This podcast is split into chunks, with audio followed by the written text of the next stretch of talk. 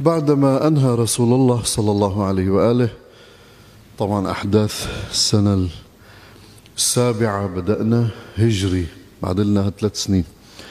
بعد أن أنهى صلى الله عليه وآله في أواخر السنة السادسة صلح الحديبية وعلى أن يعود في العام القادم آه، حاجا إلى بيت الله بالشروط التي مرت فك إحرامه صلى الله عليه وآله من خلال ذبحه للهدي الذي كان يسوقه بين يديه في مكله في مكانه لأنه حبس عن البيت وحلق من حلق منهم وخفف من خفف قصر من قصر يعني الشعر وأحلوا إحرامهم وعادوا إلى المدينة ومضى شهر تقريبا حتى دخل محرم. آه، كان صلى الله عليه وآله يستشعر بعد أن وضع يعني بنود الصلح مع قريش اطمأن من هذه الجهة. ما عادش في معارك. طيب لكن خطر اليهود لازال موجودا خصوصا وأنه أجلى بني قينقاع وبني النضير وبني قريظة عن المدينة وهؤلاء ذهب أكثرهم إلى حصون خيبر القريبة من المدينة وهؤلاء لا زال الخطر موجود مع يعني من خلالهم خصوصا وأنهم أيضا ربما يرتبطون ارتباطا مع ملوك اليمن ملوك الفرس ملوك الكذا. فالخطر موجود على رسول الله وعلى المدينة. فقرر صلى الله عليه وآله وسلم أن يذهب إليهم غازيا. وهم يعني كانوا منتظرين هذا الشيء لأنهم كانوا يخونون العهود دائما والمواثيق التي كانوا يبرمونها مع رسول الله صلى الله عليه وآله وسلم. ومن طبائعهم الغدر والخيانة فكانوا ينتظرون أن يأتيهم رسول الله. أتاهم رسول الله صلى الله عليه وآله خرج وخرج معه من حضر الحديبية أكثر من 1600 شخص تقريبا وذهبوا ساروا ثلاثة أيام على ما تقول الروايات. المهم أنهم وصلوا إلى حصون آه، خيبر. وهناك عندما وصلوا إلى تلك الحصون النبي صلى الله عليه وآله وسلم آه، طبعا خيبر جماعة اليهود كانوا يعني لديهم اتفاقيات مع غطفان قبيلة غطفان أرسلوا خلفهم حتى يعني يعينوهم على رسول الله على محمد. لكن غطفان لم تأتي لنصرتهم لأسباب متعددة يعني مش ذات أهمية حتى نذكرها. المهم أنه ما أجوا لنصرتهم. هؤلاء دخلوا إلى حصونهم والعرب وقفت موقف المتفرج وهي تنتظر تتمنى أن تكون الغلبة لليهود ليتخلصوا من محمد وأصحابه بعدما تعاظم خطره وشأنه في البلاد في الجزيرة العربية. اليهود تشاوروا فيما بينهم واستقر رأيهم على قتال رسول الله صلى الله عليه وآله. فأدخلوا حصونهم يعني أدخلوا نساءهم وذراريهم أولادهم آه، وأموالهم حصن الوطيح والسلالم. كان عندهم سبع حصون موجودة حول بعض في في خيبر. وأدخلوا ذخائرهم حصن ناعم ودخلت المقاتلة المقاتلين حصن نطاح والتقى الجمعان حول هذا الحصن والتقوا وصار هناك معركة كبيرة بين الطرفين دامت أياما يكون فيها الكر والفر بينهما. حتى قال ابن هشام في سيرته أن القتال اشتد والرسول يولي القيادة كل يوم رجل من أصحابه. مرة أبي بكر يرسل مرة فلان مرة فلان.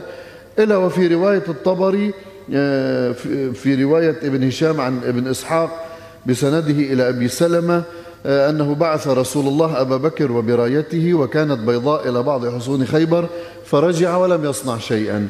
في رواية الطبري عن أبي بريدة الأسلمي أنه لما خرج عمر بن الخطاب بالراية ونهض معه الناس والتقى مع أهل خيبر انكشف عمر وأصحابه ورجعوا إلى رسول الله. ولم يفعلوا يعني أي شيء في هذا المجال.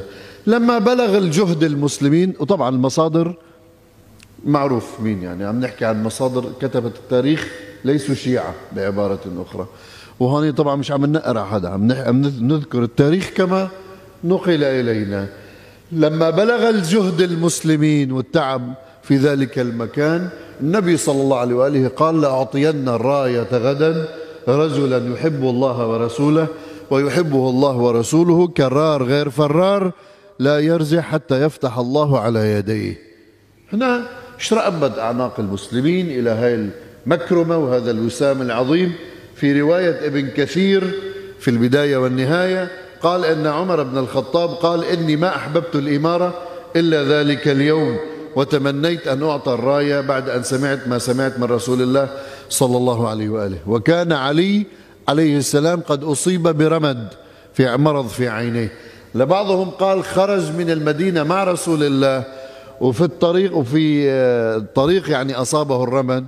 وبعضهم قال لا كان مريضا في المدينة و ما رضي أن يبقى في في المدينة خلاف رسول الله فشد ووصل إلى رسول الله وهو مريض. وبكلا الحالين في اليوم التالي دعا رسول الله صلى الله عليه وآله عليه عليه السلام قيل أرمد فدعاه فمسح على عينيه فبرئت من ساعتها. وهي من كرامات الأنبياء والأولياء. واستجابة دعائهم. هلأ بعضهم بحب له يقول أنه تفل في عينيه. مش مشكلة المهم أنه الأقرب أنه مسح على عينيه. يكفي أن يدعو له والله يستجيب. مش بحاجة لا لا يتفل ولا لا. بس بتعرفوا الناس بتحب هيك قضايا.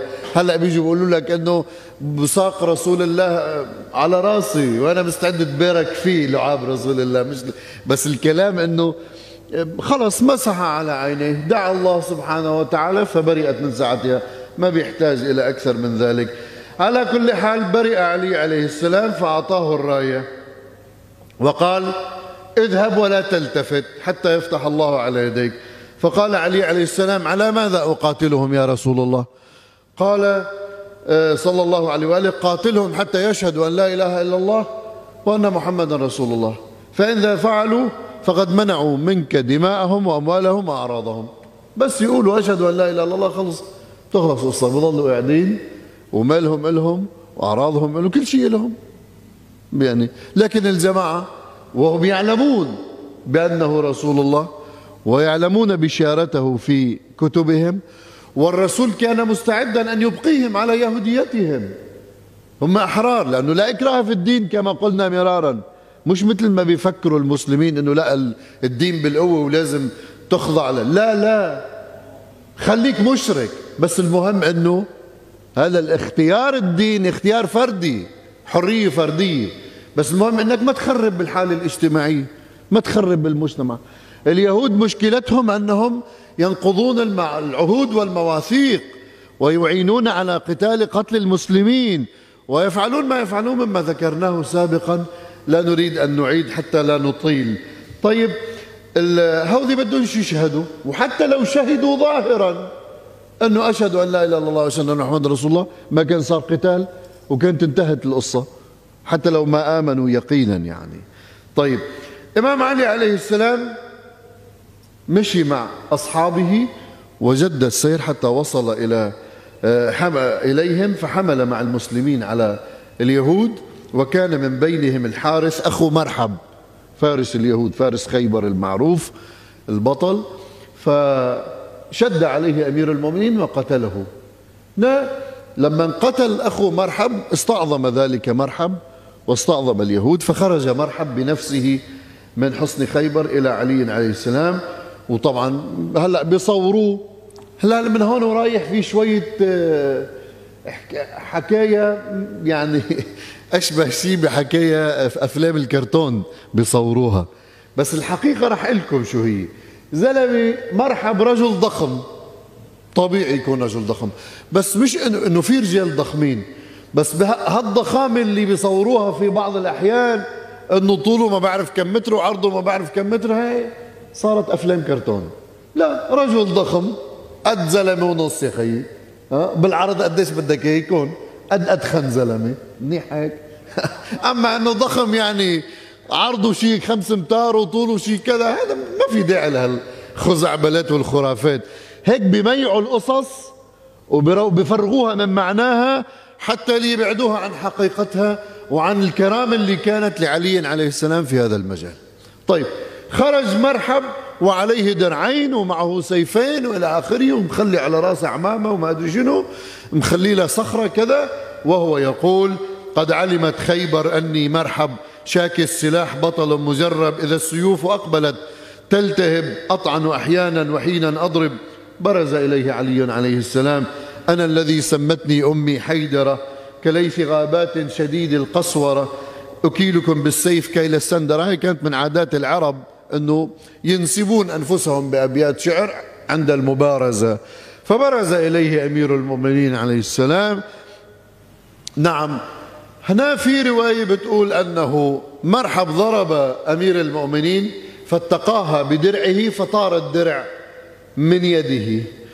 فراح أمير المؤمنين جاب الباب قلع الباب الذي يعني باب خيبر وجعله درعا و ضرب آه، مرحب ضربة على رأسه فشق عمامته حتى وصلت إلى أدراسه. وسمع الناس كلهم صوت تلك الضربة اللي كان موجود. هاي هاي رواية رواية ثانية بتقول أنه أمير المؤمنين ترك درعه ليتخفف مشان يصير أسرع. وارتفع قليلا في الهواء يعني ركض علو ونزل عليه. هلأ بصوروا بعضهم انه علا بالهواء كمان بصيروا يتدخلوا بالتعلية قديش متر؟ إنه ضروري يعني يعلي 70 متر بطلوع ما هو مش 70 متر الزلمة. هلأ ما أفرض مثلا ركض علي شوي فد متر ونزل عليه في ضربته. هذا شيء طبيعي مقبول. طيب؟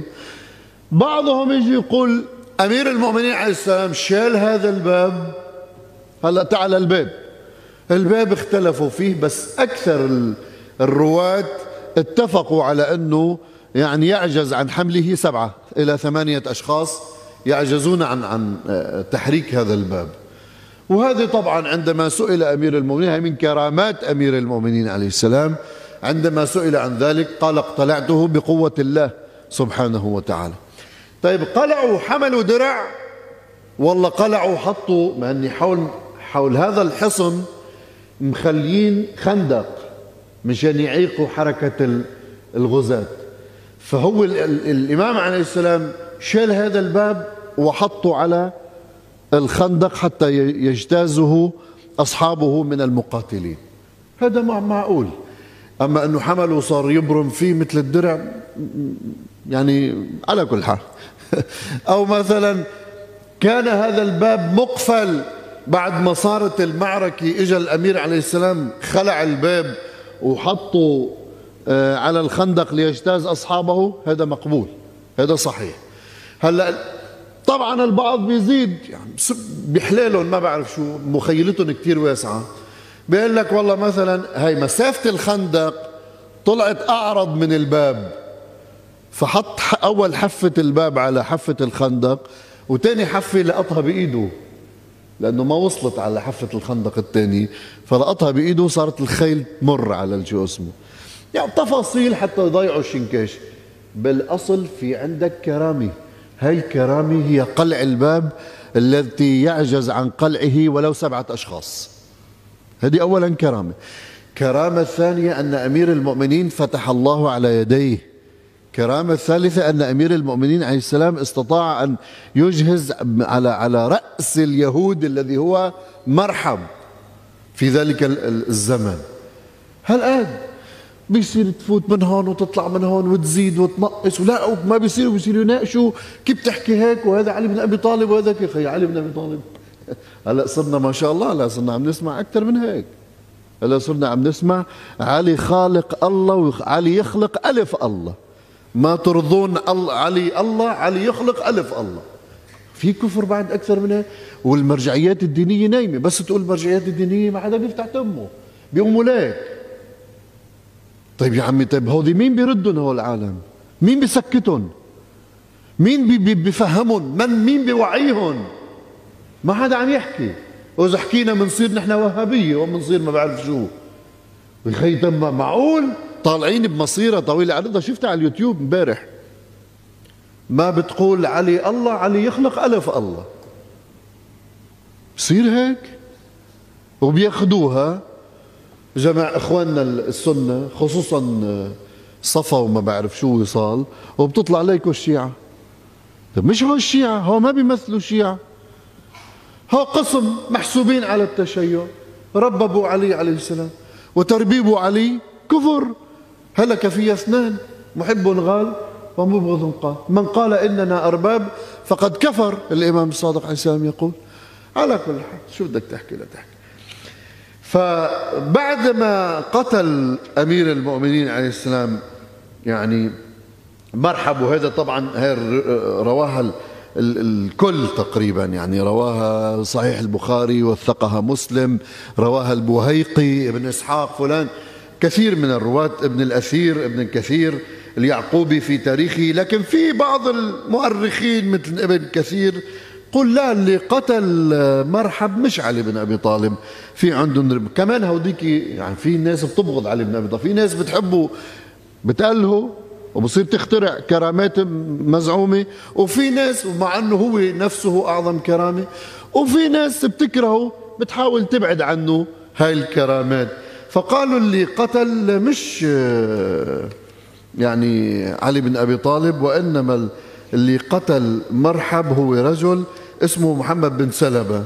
وطبعا هذه رواية ضعيفة وراويها الزهري والزهري معروف من أتباع بني أمية وبني أمية كانوا يكرهوا علي بن أبي طالب. وهذا واضح بدهم يحرفوا شو اسمه عن مساره.